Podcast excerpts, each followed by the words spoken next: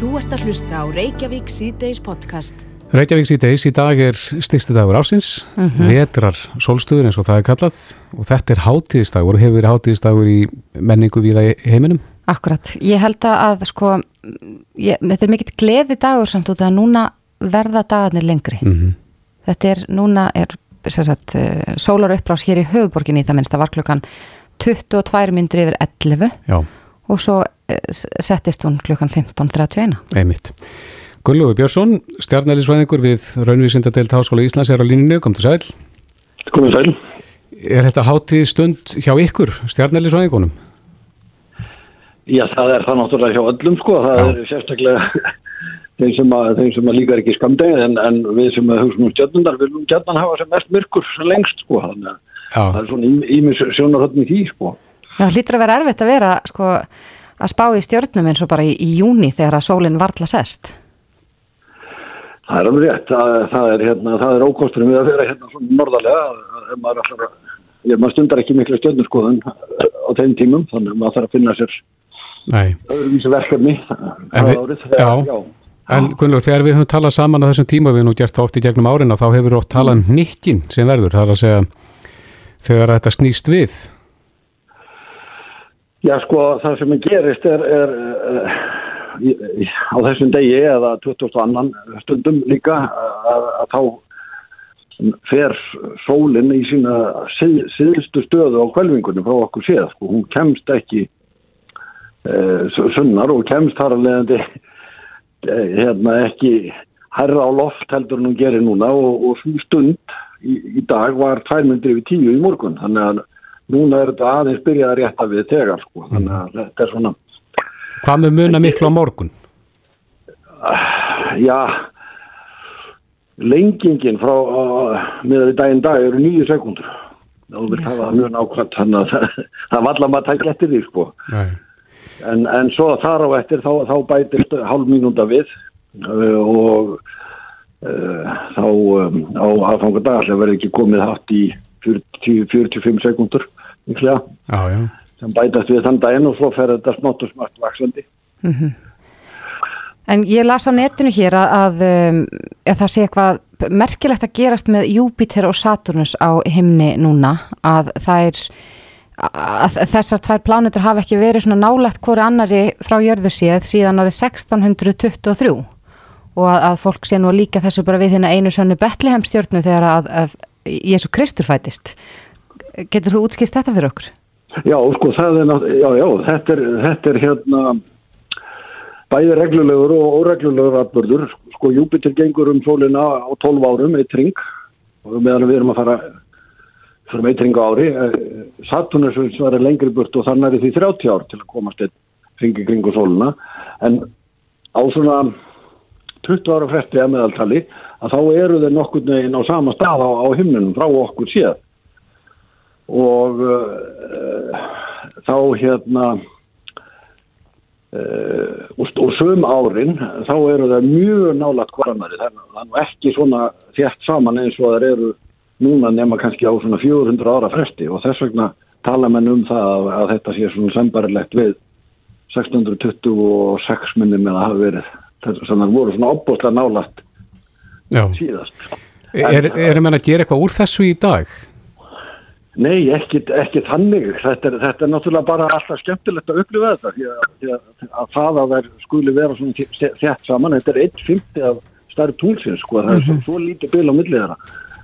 Að, að, þetta er á 400 ára fresti og, og síðast er þetta sást mjög vel. Það sást nú ekki mjög vel hann að 1626 en 1220 og eitthvað þrjú sannilega þar á undan. Þá voru það svona þett saman. Já, en munu... og, og reyndar þú veist, þú tengir þetta við upphaf tímatalsins og fæðingu Krist og það Akkurat.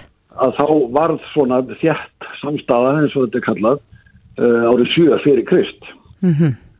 og uh, hún, það, já, það var eiginlega uh, það er kannski einn atbyrður sem að mann hafa reynt að tengja við, við það, við fæðingu Krist og það gæti hafa verið 7 fyrir Krist sem að sem að Júpiter og Saturnus voru svona þett saman og menn hafa tekið það sem eina skæra stjórnur.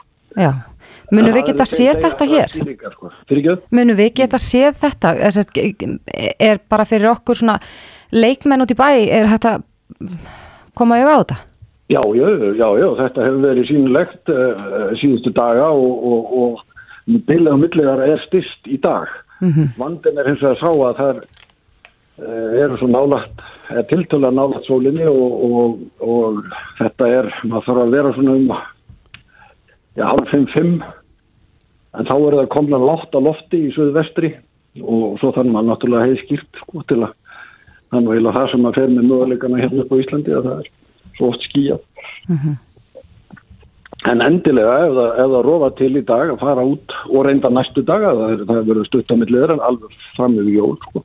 Já, akkurat. Ef, ef það er bjart næstu, næstu kvöld mm þá um að gera kíkja eftir þessu. Já. og bara lí, lí, lítinn handsjónokar sko, þá sér maður tungli Júpiter og jafnvel móta fyrir hringum Saturnusar Já, já, bara með svona vennulegum Já, já, bara Með áttasinnum stekkun eitthvað svo leiðis Já, já, Saturnus lítur út eins og sem eiru, maður sér kannski ekki þingana skipt en hann er ekki svona, maður sér lögunina á þeim. Já, akkurat.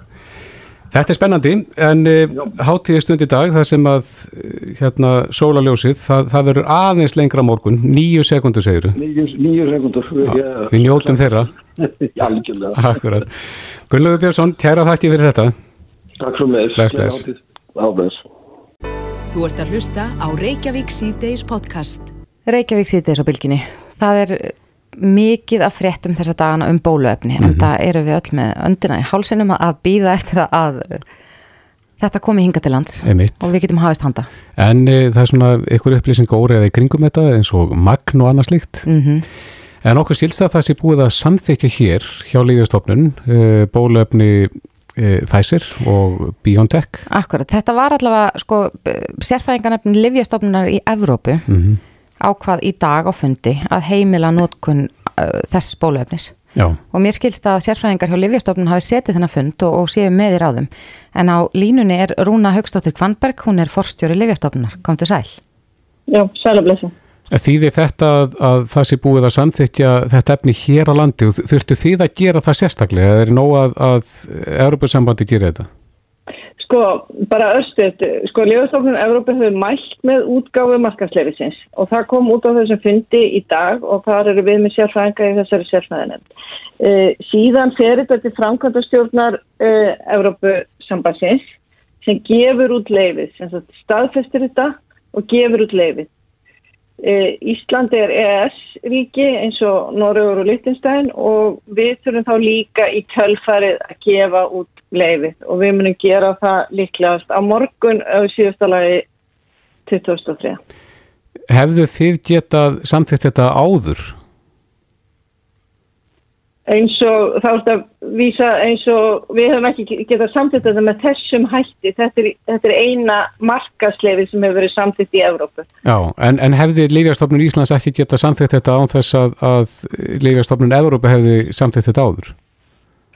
Ekki sem markasleifi en, en breytanir ákvaða að fara svo kallega e, tímabunna heimilt til byrðahalds og nótkunnar mhm. mm við hefðum geta farið þá leið eins og öll önnu lönd í Evrópu en það var ekkit annað ríki heldur en Breitland sem ákvaði að fara þá leið. Við ákvaðum að eins og önnur ríki í Evrópu að býða eftir markasleifinu sem kemur frá Evrópsku lífastofnum. Já, ég veit að það eru margir að spá í, í að þetta er svo lítið maks sem að kemur hingað í einu af því að við erum svo fámenn þjóð, hefði ekki verið hægt að, að retta uh, skamti fyrir Íslendinga bara á einu bretti. Við erum bara eins og einhver blokk í Evrópu.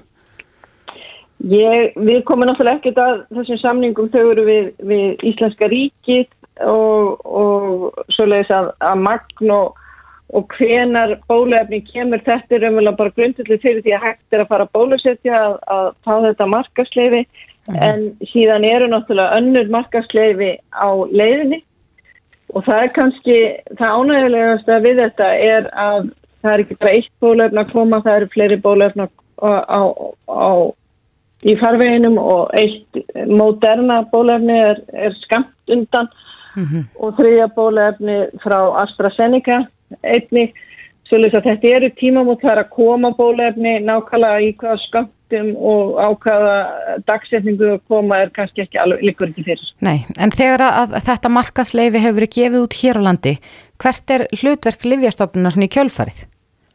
Kjölfarið þá náttúrulega fylgjast við með nótkunninni, svo leiðis að ef það koma fram aukaverkanir eða eitthvað slíkt þá er það tilkynnt til okkar og síðan fylgjast við líka með flutningum til landsins og flutningum um landið og, og slikt. Mm -hmm. Það hefur aðeins verið talað um að, að þessi bólöfni frá mismunandi framleiðendum að það sé já, mismunandi hvernig þau eru flutt og hvernig þau eru gemd. Er það á ykkar herðum að tryggja að slikt sé gert með réttum hætti? Sko það er náttúrulega aðilatnir heilsöru aðilin og, og sóttarnalagnir sem bera ábyrð á því en við erum bara eftirlits aðili með þessu eins og með svo mörgum öðrum lífjaflutningum í landi. Mm -hmm. Já, þetta hljóta að vera gleði fréttir innan þinnar stopnar eða maður býst allavega við því. Þetta eru mikil tímamót og, og þetta breytir e, mjög miklu í sambandi við hennan faraldur því núna eru valdinu komin með, með meðbólefni í Evrópu og önnur uh, vantaleg og það, það er náttúrulega það sem kannski upp á vantaði svo væri þetta náðundanum þetta. Já, hvernig verður tímarami núna? Nú er þetta leifi komið, hvena maður búast við því að, að bólefni komið síðan til landsins og það verður hægt að, að byrja að gefa það? Ég, við komum náttúrulega ekki alveg að því, ég bara þekki það eins og því úr fjölmennunum, mér heyrst verið að tala um 28. desember og þá getur það komið til landsins. Já. Já, það er stutt í það. Rúna Haugstóttir Kvanberg, forstjóri Livjastofnunar, kæra þakki fyrir þetta. Takk fyrir sömulegð. Bless, bless. Bless. Hlustaðu hvena sem er á Reykjavík C-Days podcast. Reykjavík C-Days, það byrtist grein e, í fréttablaðinu þar sem að vitnaður í önnu Morris, hún er verslunaregandi miðbar Reykjavíkur, en hún segir þjófnað úr verslunum orðið gríðalegt vandamál í miðbænum, lögreglan sinni málunum illa og jafnvel þó að Anna finnir sjálf út úr nafni og heimilisvangju þjóðana þá aðhafist lögreglan ekki neitt. Þetta hljóma nú, já, enginnilega. Já. En ætlaði að sé þannig að það sé meira, meira um þjófnað í miðborgin heldur en, en í öðrum verslunum? Andris Magnússon er frangværtastjóri samtaka verslunar og þjónustu. Sæl? Sælur þeir. Við höfum reynda rætt áður við þig um þjófnað almennt úr verslunum en, en er þetta verra núna heldur en áður? Við hefum ekki heilt það neitt sérstaklega en þetta er hins vegar klart að þetta er viðvarandi vandi, það er alveg uh, potjett og það er þó hins vegar þannig að síðan að eftir COVID og eftir að færra varum ferðarmenn og færra varum, já ferðarmenn skulum við segja, að þá hefur kannski heldur dreigð úr þessu. Það er jú þannig og það verður bara að segja þá sögu eins og hún er að uh, löngum þá var uh, þannig að staðstur hluti þessa uh, faraldurs var að völdum fólks af erlendum uppruna. Það er að segja, hinga, þetta var bara allt stór hluti þessa vanda var þess aðeins að það var, þar væri skipulaði gleipastar sem er aða. Mm -hmm. En, en þáttur lágruglunar, Andrés? Þáttur lágruglunar, það er kapitil út af fyrir sig. Við höfum náttúrulega átti í ára löngu, vil ég segja, um, samskiptu við lauruglunum þessum á, líst þessum vanda fyrir þeim.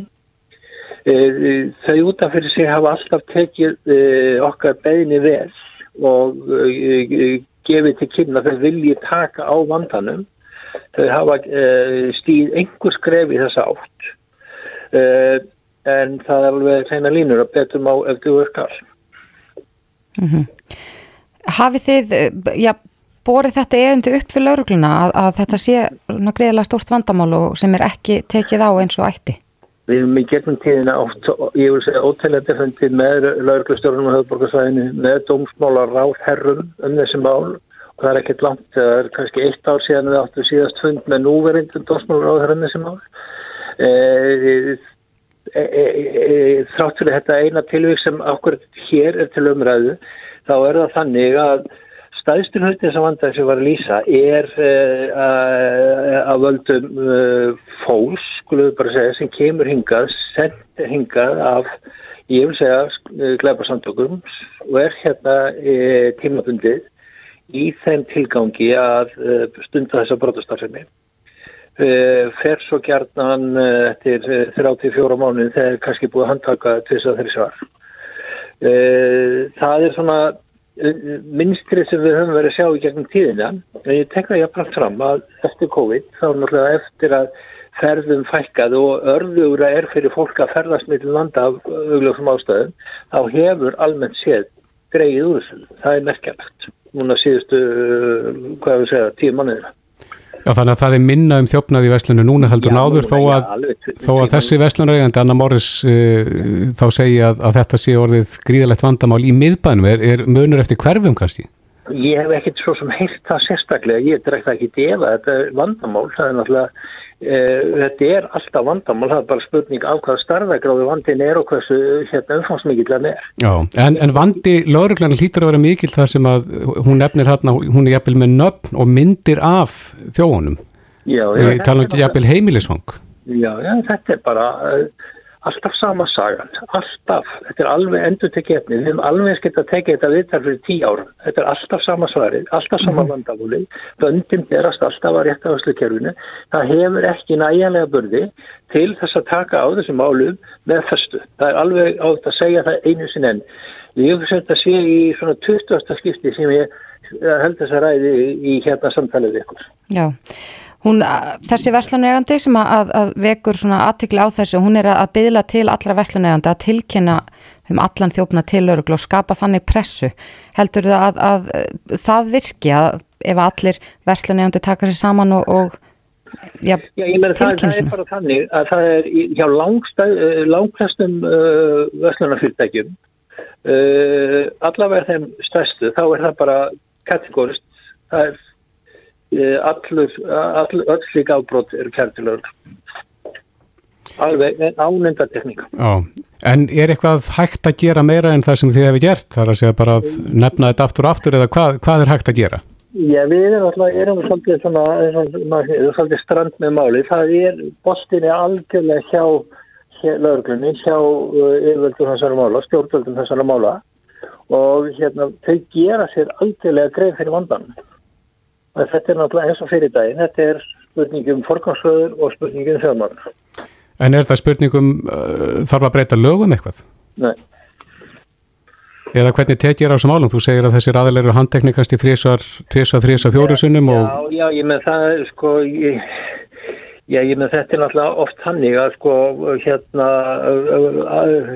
áður en ákerri gefin út, það, það, er, það er, hérna, á sér aðdraðanda mm -hmm. og það er ekkit haft virt eftirlit með fólki og ekki að landamæður fólk getur farið hérna með landa þá er í ákæri yfir höfðu sér. Það er þetta stoppar það. Nei. þannig að það er uh, eitt, eitt partur vant og það er náttúrulega eða fylgjast með hverjum einasta uh, brotamanni með þessum hætti sem, með þeim hætti sem nöðsilegt væri er það ekkit einfalt, við gerum okkur alveg grein fyrir því. En það er að, að það sem að skipti máli þarna er að það sem uh, lögla sinni þessu og það sé tekið á þessum málum með festu, það hefur miklu meiri áhrif að þessi svona uh, almenningur þeir sem hafa slíka eðju hyggju gerir sig grein fyrir því að það hefur alveg, alvarlegar afleggingar. Það hefur það sem kallað er sterkustu varnaður áhrif. Mm -hmm. Andrés Magnússon, frangvandastjóri samtaka Veslunar og Þjónustu, takk fyrir þetta. Takk. Reykjavík síðdeis á bylginni. Ég rakst á fréttin á, á vísi.ri um helgina mm. og þetta er ansi áhugavert. Vi, við höfum nú oft talað um svona tölfræði í tengslu við þennan faraldur Já. sem er í gangi.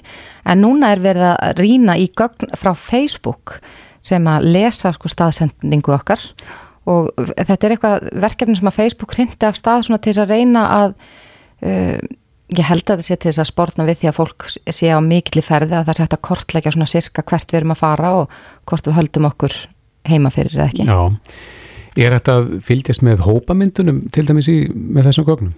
Eða, eða sýnir þetta bara hvort að fólk sé á ferðinni? Ég held að þetta sé nú bara aðalega sko, skilst þetta að þess að hafa verið skiptnir í eitthvað svona ferninga og, og hvort að fólk sé að ferðast mikið fyrir utan sinn ferning mm -hmm. en á línunni er Tór Aspelund sem við höfum nú oft rætt við áður en hann er uh, eh, profesor í líftálfræði við Háskóla Íslands. Kom til sæl. Kom til sæl. Já, þið voruð eitthvað að grúska í þessum tölum ekki satt og þessum gögnum.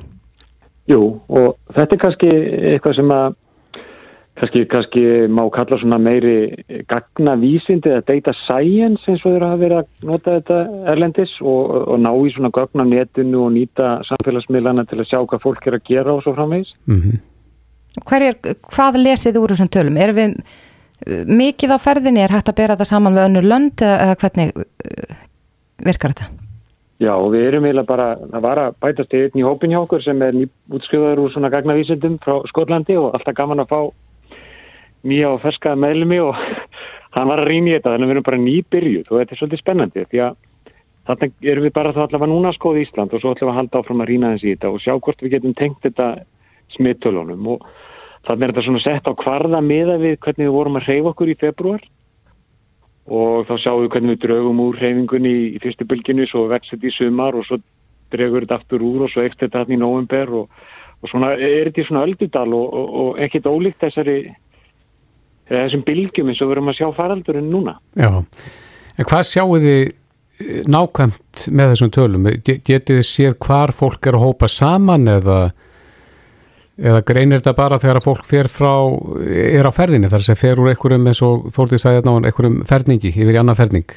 Já, það passa, það er akkurat lýsingi þannig að við sjáum þetta ekki niður á alls ekki neitt niður á neina einstaklinga náttúrulega neitt slíkt og bara svona eitthvað meðal reyfing eh, í þjóðfélagin og, og, og svona gróf mynd. En, en augljóslega sko alveg í takt við það sem er skinnjar auðvitað úti Menna, eh, það hafa allir þessa tilfinningu, það er mikil hreyfing í þjóðfélaginu, mikil umferð en, en að geta sínt þetta með gögnum er svona já, þetta er aldrei góð viðbútt mm -hmm. og mm -hmm. Teljið þið að, að, að sko að jólinn sé að spila allinni, fólk er meira ferðin það neyðist til þess að fara í verslunarmeistöðar og, og kaupin jólagjafir og, og þarfram eftir gödunum Já, allir það ekki og við sjáum þetta fyrir svona stíðvaksandi alveg bara alveg frárumverulega mánaðamótum og, og, og bara heldur áframvaksandi og við vorum að uppfæra þetta bara í dag sko, þá höfum við séð bara síðastu dagar halda áfram upp þannig að þetta eh, ég meina þetta er ágefni, þetta var líka svona í þegar að auðvitað þegar að þriðabilgjan fór svona á stað, þá er svona, svona uppleið svolítil.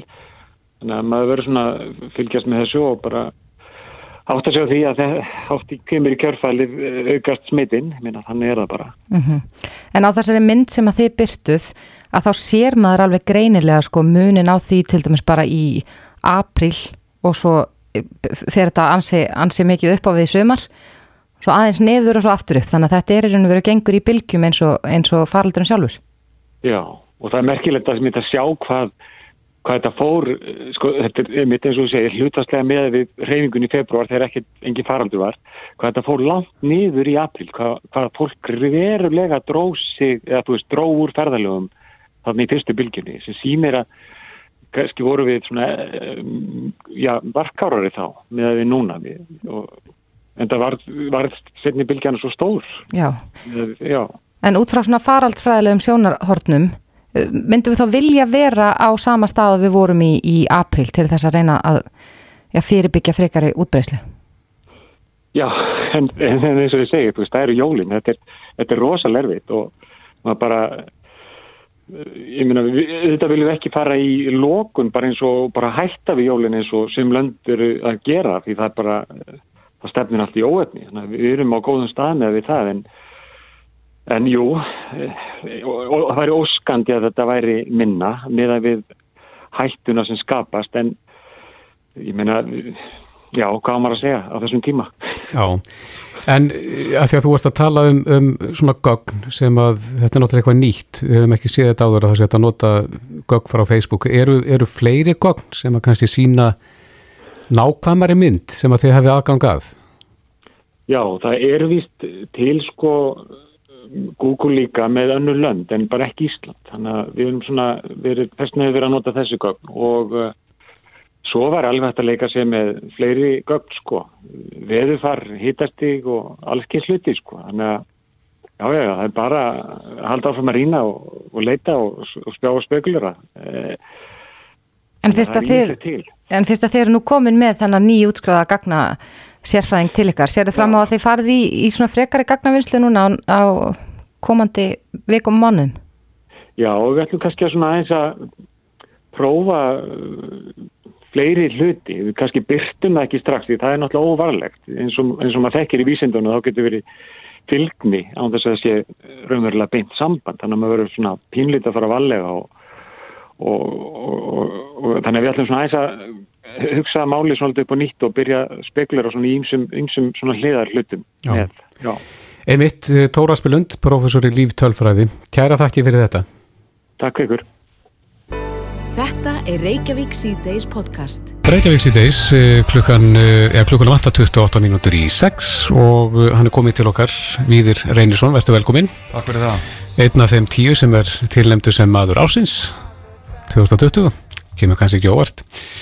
En uh, þú ert hraustlegur að sjá, ertu búin að ná þér? Ég er svona bara í bataferlinu, þetta tekur, tekur svolítið tíma að, að ná sér almennilega og, og það er bara dagamunur á mér og, og hérna, maður verður bara að reyna að stilla sig af og, og reyna að, hérna, hlýða fyrir mannum læknana þó að stundum það getur verið því að hugurinn er á allt öðrum stað heldur en líka minn.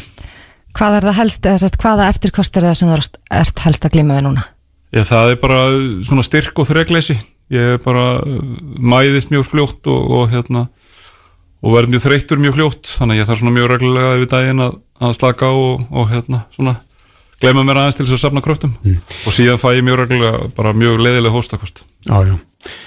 E, Förum að segja þetta, þú, þú uh, tilkynni það að, að nákomin ættingi hefði greinst sem að var konaðinn Já, og þá fer þú sjálfur í sótkví og hvað gerir svo? Já þetta er þetta ferli sem að svo margir þekkja sem þegar menn er útsettið fyrir smiti þá fá þeir fá þeir tilkynningu um það frá smitræningateiminu eða viðkomandi sem að hefur verið beðin um að upplýsa það og þá er þessi tilfellu náttúrulega mjög einfalt hjá, hjá mér að ég vissi það strax og, og einhvern mín greinist að þá, þá fer ég bara í sótkví. Uh, það er síðan ákvörðun smitræningateimisins að, að hérna, vegna þessari tengsla sem ég er í við svo marga líkilstarfsmenn í, í þessu verkefni að ég fari strax í sínatöku strax þann dag og reynist neikvæður þann dag en fer samt sem áður auðvitað í sótkví og þetta er á mánudegi eftir átíða mánudegi og síðan á miðvikudeginum þá mm, fer ég aftur í, í skimun og það var sem sagt einhver svona einhverja vangaveltur, menn vildu nota mig sem tilröndadýr að fylgjast með hvernig svona geti þróast að það var náttúrulega voru taldar gríðarlega líkur á því ég væri smittar þetta var nú eiginkona mín og það kemur síðan í, í ljós á miðgudeginum að ég er með jákvæmt síni, ég er endur alveg einkennlaust þá, finn ekki fyrir því og, og þá í framhaldið því fer ég í einagrun og síðan á 50 deginu byrja ég að finna einkenni og sem að svona smá, smá sama jökust þegar leið á. Og margir sem að hafa fengið COVID þekkja þetta að svona annan þriðja daginn, fjórða daginn kannski þá fá mentaldi háan hitta og beinverki og líðum illa og, og svo margir sem betur fer fara bara í gegnum það á kannski tveimur sólaringum eitthvað svoleiðis og ég held ég var að fara þá leiðina því að á bara sunnudeginum þarna eftir það þá fór mér að líða betur og, og mándagurinn og þriðdagurinn voru bara allt í lagi, ég var svona bara slappur og með, með hita. Síðan bara byrjar að að fæti og miðgundaginn byrja ég að, að verða erfiðari að svona meiri hósti og, og talsett meiri svona andþingsli og, og ég fór að lækka alltaf í súrunismettun ég var, var með mæli þannig að mælt súrunismettunna og, og það endar sem þannig að á föstu deginum þá sem sagt rúmri viku eftir að ég greinist að þá þá ákveða sérfræðingardur á göngundild COVID að kalla mig inn og skoða mig aðeins betur og taka lúna mynd og gefa mig vögva í æð og fara að séu málin. Við hreisti skrýðarlega við það að fá þennan vögva það var, ég var grein að fanna þotna mikið upp og sást meðal annars í því að, að það er ótt erfitt með að finna æðar á mig, ég er að frekar æðaber með það sko en, en það var erfitt að finna æða til þess að að setja vögvan og taka um með blóðpröfur og annað slíkt og ég síðan bara fekk ég góð ráð og, og, og ráleggingar og, og verk, sterkari verkjalið. Og svo voru þetta bara tvær vikur af tómu leðundum sem að fylgdi kjölfarið og, sem já, tveimu vikum eiginlega eftir þetta þá, þá hérna er ég útskrifaður af að vera sem sagt í einangrun, þar segja ég er þá ekki lengur smitandi og fór með lands í blóðpröfur og mældist með mótefni þannig að og síðan var ætluninn að, að taka því bara rólega og byggja þessu upp í róleitunum en í svona því starfi sem að sinnir þá er náttúrulega nú bara þannig að, að þegar að einhvað gerist þá þarf að breyðast við og þannig að ég fór að mæta aftur í vinnu fyrir heldinni alltaf. Þú varst að enda við að klára um, íbúafund fyrir seðfyrringa og komst beint þaðan og hingað. Hvernig var, var hljóðið í, í fólki þar? Þetta er náttúrulega á þessum undarlegu tímum að þá er svona íbúfundur sem maður er vanur bara að standa og sjá fólkið og geta spjalla við fólk að þá náttúrulega er þetta gert allt saman í genið streymi. Þannig að, að mjög erfitt átt að sjá á þessu en við fengum alltaf góðum spurningum sem voru sendarinn rafrænt til okkar að gott um svara því en það er gríða, maður veit bara hvernig það er eftir svona hamfæri þá er gríðarlega mikið sem að kvílur á fólki og óvissan óbærileg. Og það sem er líka svo vond fyrir það fólk sem þarna býra það er náttúrulega þetta að, að þú upplifir því venjulega á þínu heimili örugastan svo allt í henni er búið að kippa því frá þér. Og þarna er fólk sem að þurft að þurftum að rýma allan, allan bæin og síðan er fólk komið heim og þetta er fólk bara mjög óorugt mm -hmm. og síðan er náttúrulega þannig yfir 200 mann sem hefur ekki ennþá fengið að fara heim. En þetta var upplýsingafundu, hvað, hvað gerist næst?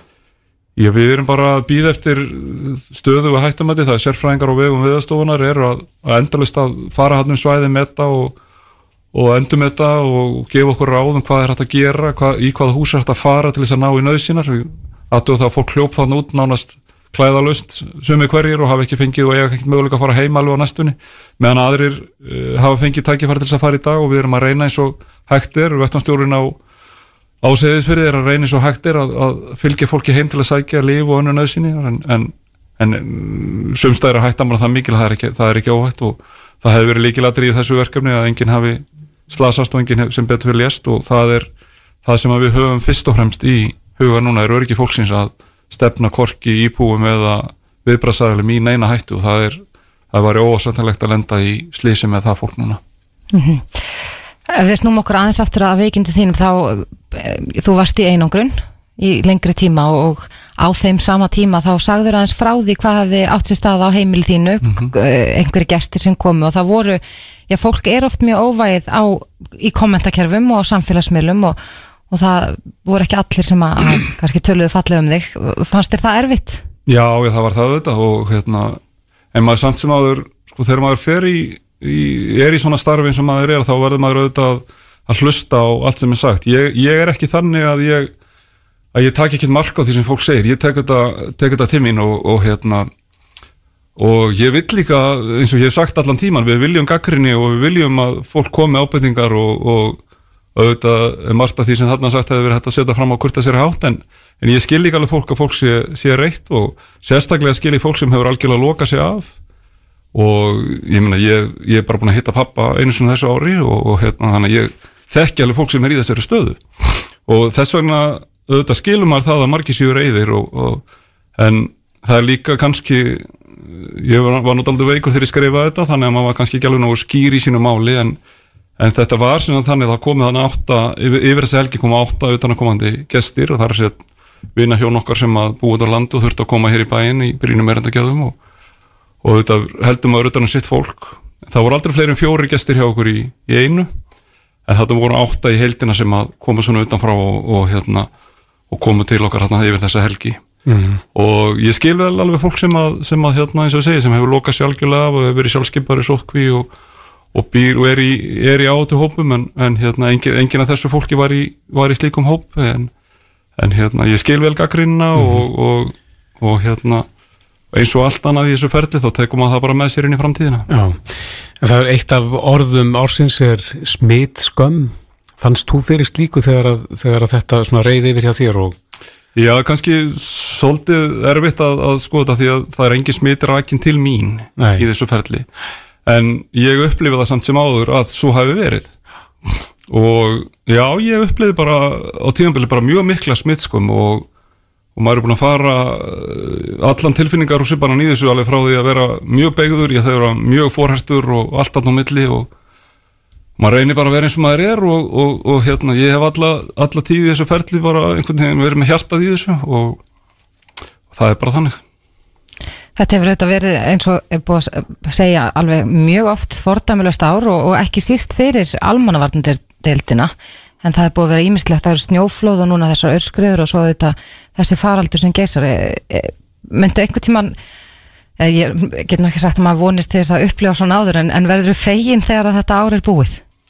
Já, já, það er maður verið það náttúrulega en, en, en á sama tíma er náttúrulega bara erum við í miðverkefninu og, og það var einmitt svona mitt innleg til dæmis í þetta þennan íbúafund á, á seyðis fyrir áðan var að fullvisa fólk um það að, að, að hlutverk almanvarna því líkur ekki til að einhverja björgunar að gera eru búnar heldur er okkar hlutverk að fylgja þessu verkefni áfram og, og við ætlum að standa með segðsfenningum í mánuði eða ár hvað sem þarf meðan að vera að fara í gegnum þetta verkefni. Okkar hlutverk er þar og sama er með þetta COVID verkefni er það að, að baráttunum við COVID líkur hvergi fyrir en líkur ástafar og þrátt fyrir að Íslandika getur kannski uh, komið sér í tildulega góða stöðu kannski fljótlega á næsta ári uh, hvernig sem við skilgrunum nákvæmlega þann tíma en, en á sama tíma eru aðra þjóðir sem að, sem að hérna, hafa ekki sem aðgengja bólefni og við og, og hérna, við berum bara samfélagslega ábyrg til að taka þátt í þessari alheim sparóttu og og ég segi þetta bara aftur að COVID-baróttunni líkur hverki fyrir henni líkur allstaðar. Mm. Rétt aðeins í lokin viðir uh, þessi frétt uh, Blumberg hefur vætið miklu aðteglu og umræður hér á Íslandi. Það sem að því er haldið fram að Ísland hafi verið mikill eftirbátur annara Európu þjóða við hefum svona svolítið setið eftir svofið á verðinum. Já það er nú heldur búið að leiðrætta þetta, þetta var náttúrulega bara rámt og raung frétt og ég held að Blumberg sé búin að leiðrætta hana að við veitum ekki alveg hvaða gögn þeir voru að nota í sinni, sinni hérna í sinni frétt en það kom mjög skýrt fram hjá Ástu Valdimarsdóttir ráðundistur á Helbjörnsrándis og upplýsingafindunum okkar í, í morgun er það að, að það er búið að með samningum að ganga frá því að við fáum nægilegt bólöfni við ráðum aftur á móti ekkert við framleyslu getur þessara fyrirtækja. Uh, það sem við erum að sjá núna við erum að fá skamt núna millir jól og nýjós 10.000 skamta sem eru jafnverki skamtar og allar aðra þjóður í Európa fá og síðan fáum við bara hlutfastlega sömu skamta og aðra þjóður í Európu í þessu samstarfi Þannig að við munum ekkert sita eftir fyrir eitthvað en aðra þjóður í Európu og, og það konum fram í fjölmjölum í dag að fórsættistur á þeirra og, og hafið talað við, við fórsvarsmenn Európa-sambandsins einmitt um þetta að, að litli þjóðunum mundi ekki verði eitthvað undir í þessu og þar situm við bara við sama borð og þjóðverðar og frakkar og aðri sem að er í þessari, þessu samstarfi. Mm -hmm. Viðir Einarsson, gott að sjá þig. Sjöfumleðis. Velkomin tilbaka og velkomin á Fætur. Kæra Takk á Bilginni podcast. Reykjavík síðdeis á Bilginni heldur áfram.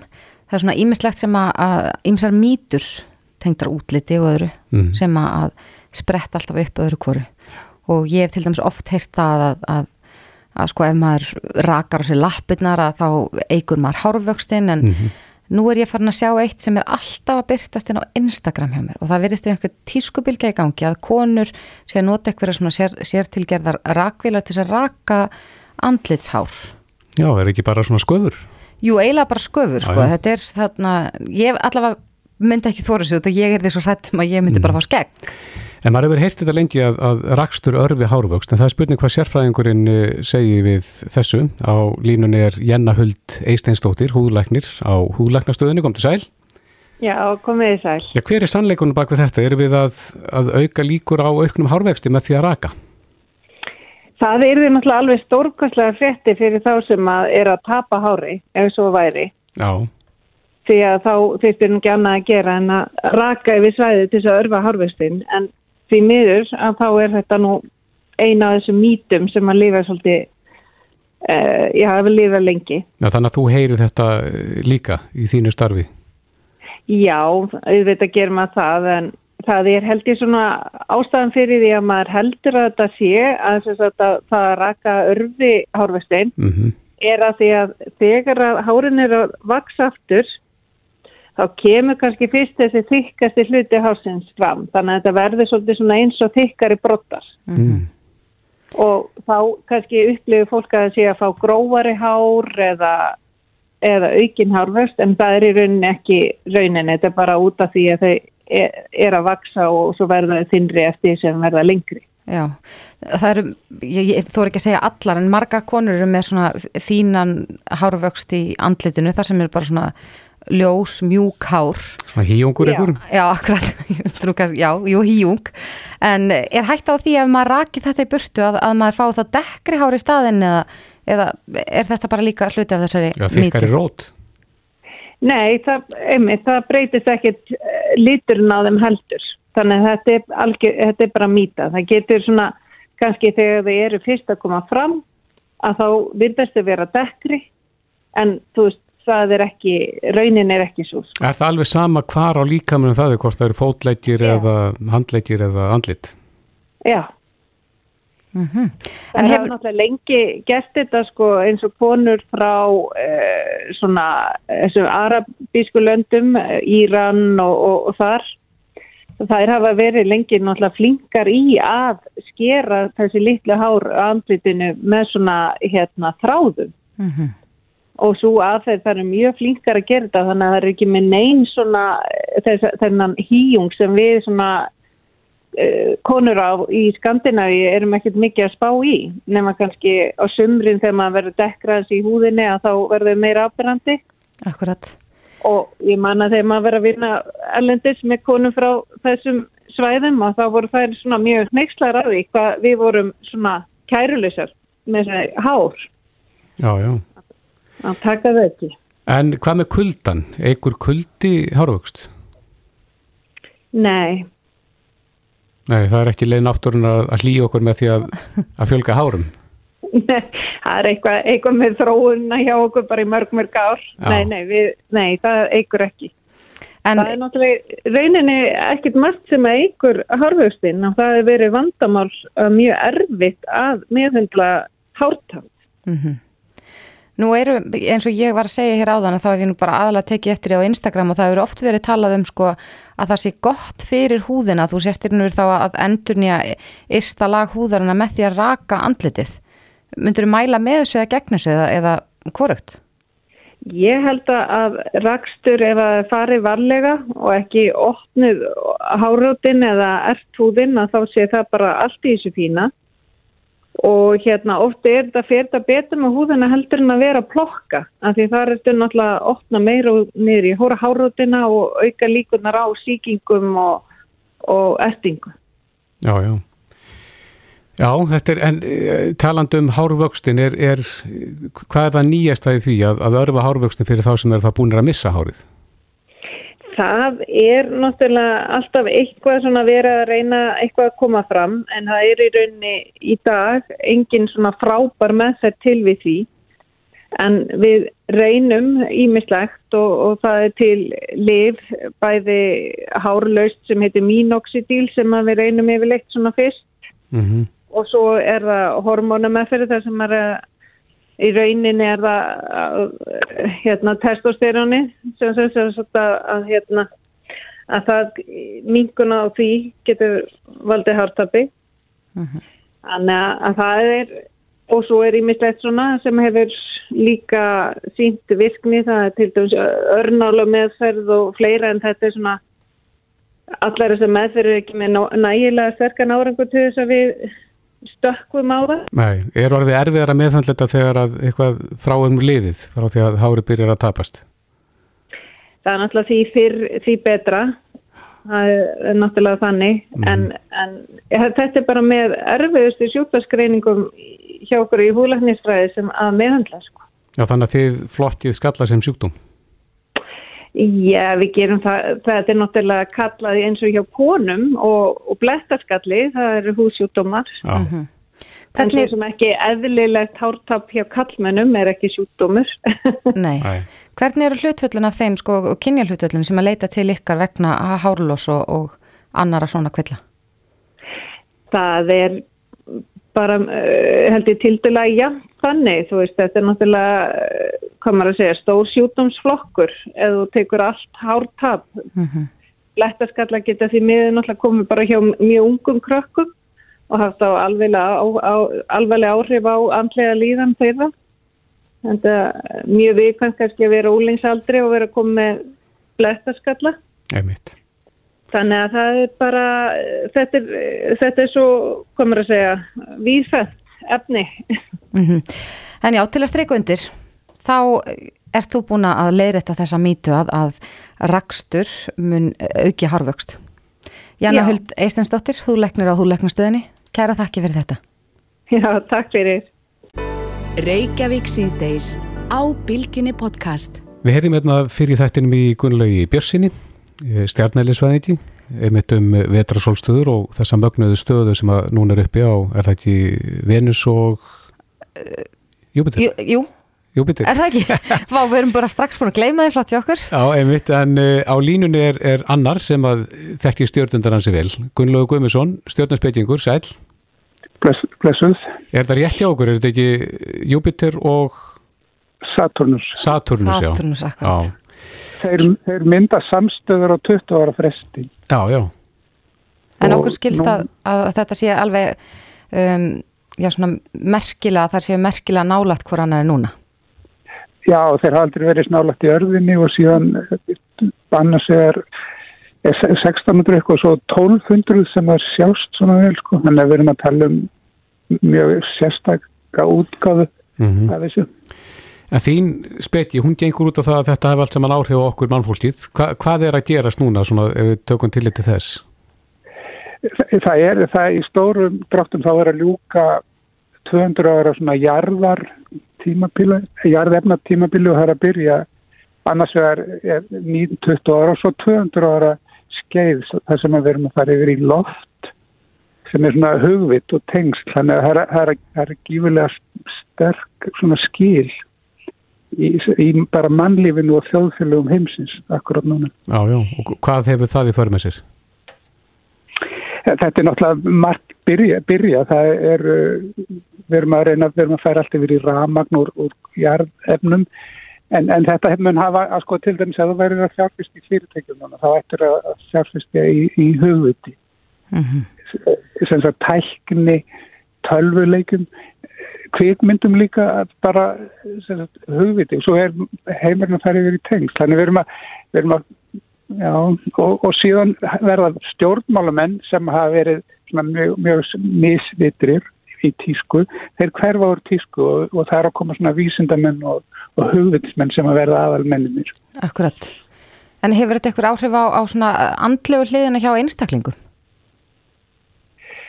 Já, ég sko nákvæmlega, ef, ef að ef að hérna svona hugrænir sjúkdómar, óttu og kvíði það, það er það, það mun aukast en ennuleg þarf að leggja áherslu á meðferðir á þeim sviðum, svona samtalsmeðferðir og annars líkt. Þannig að mannkynni við þurfum að meira beira aðtikla því svona hugs, huganum, sko, hvernig mm. fólki líður. Já, einmitt.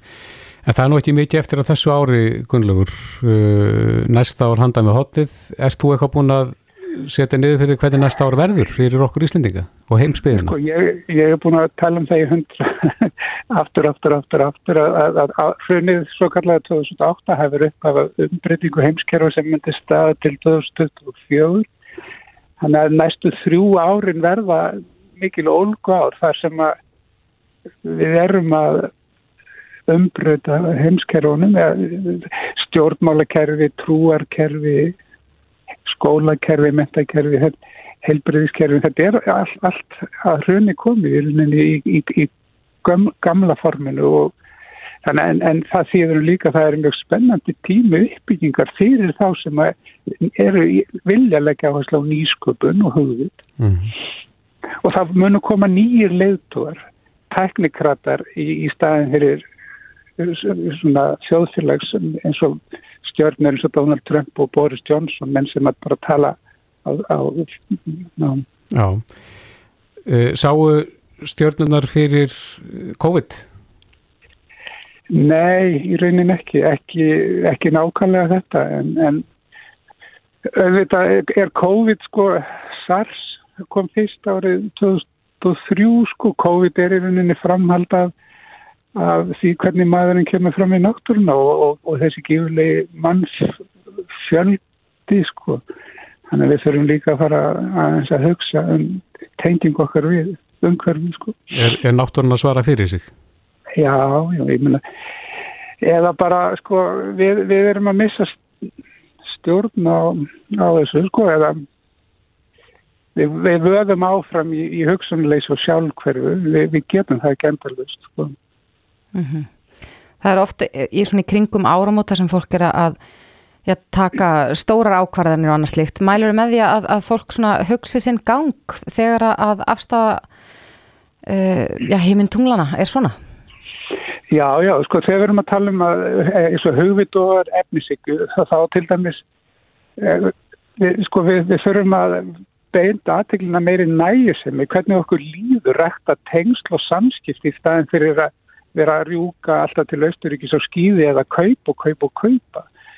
Eitthvað þannig að það sem til dæmis hefur verið gott við þetta kóð er að fólk hefur byrjað að tala saman aftur. Við, við, já, þannig efnisíkja við erum að sjá einhvers, einhver svona endastöð á efnisíkju bæði í, í neysluhugi hjá okkur sjálfum en líka hvernig við umgöngust náttúruna að, að, að við getum ekki bara alltaf meiri volja og eitthvað meira fyrir okkur efni í staði fyrir hvernig líður okkur og, og hvað er maður að gera að tala saman, vinna saman. Svo þurfum við stjórnmálum þurfum að fara yfir í meiri sa samræð Já, það er það sem leta lítur út þannig. Já, Gunnlaugur Guðmundsson stjórnarspeikingur gaman að heyri þér, kæra þakki fyrir þetta. Sömu leiðis, þakka ykkur fyrir Reykjavík síðdeis á Bilginni podcast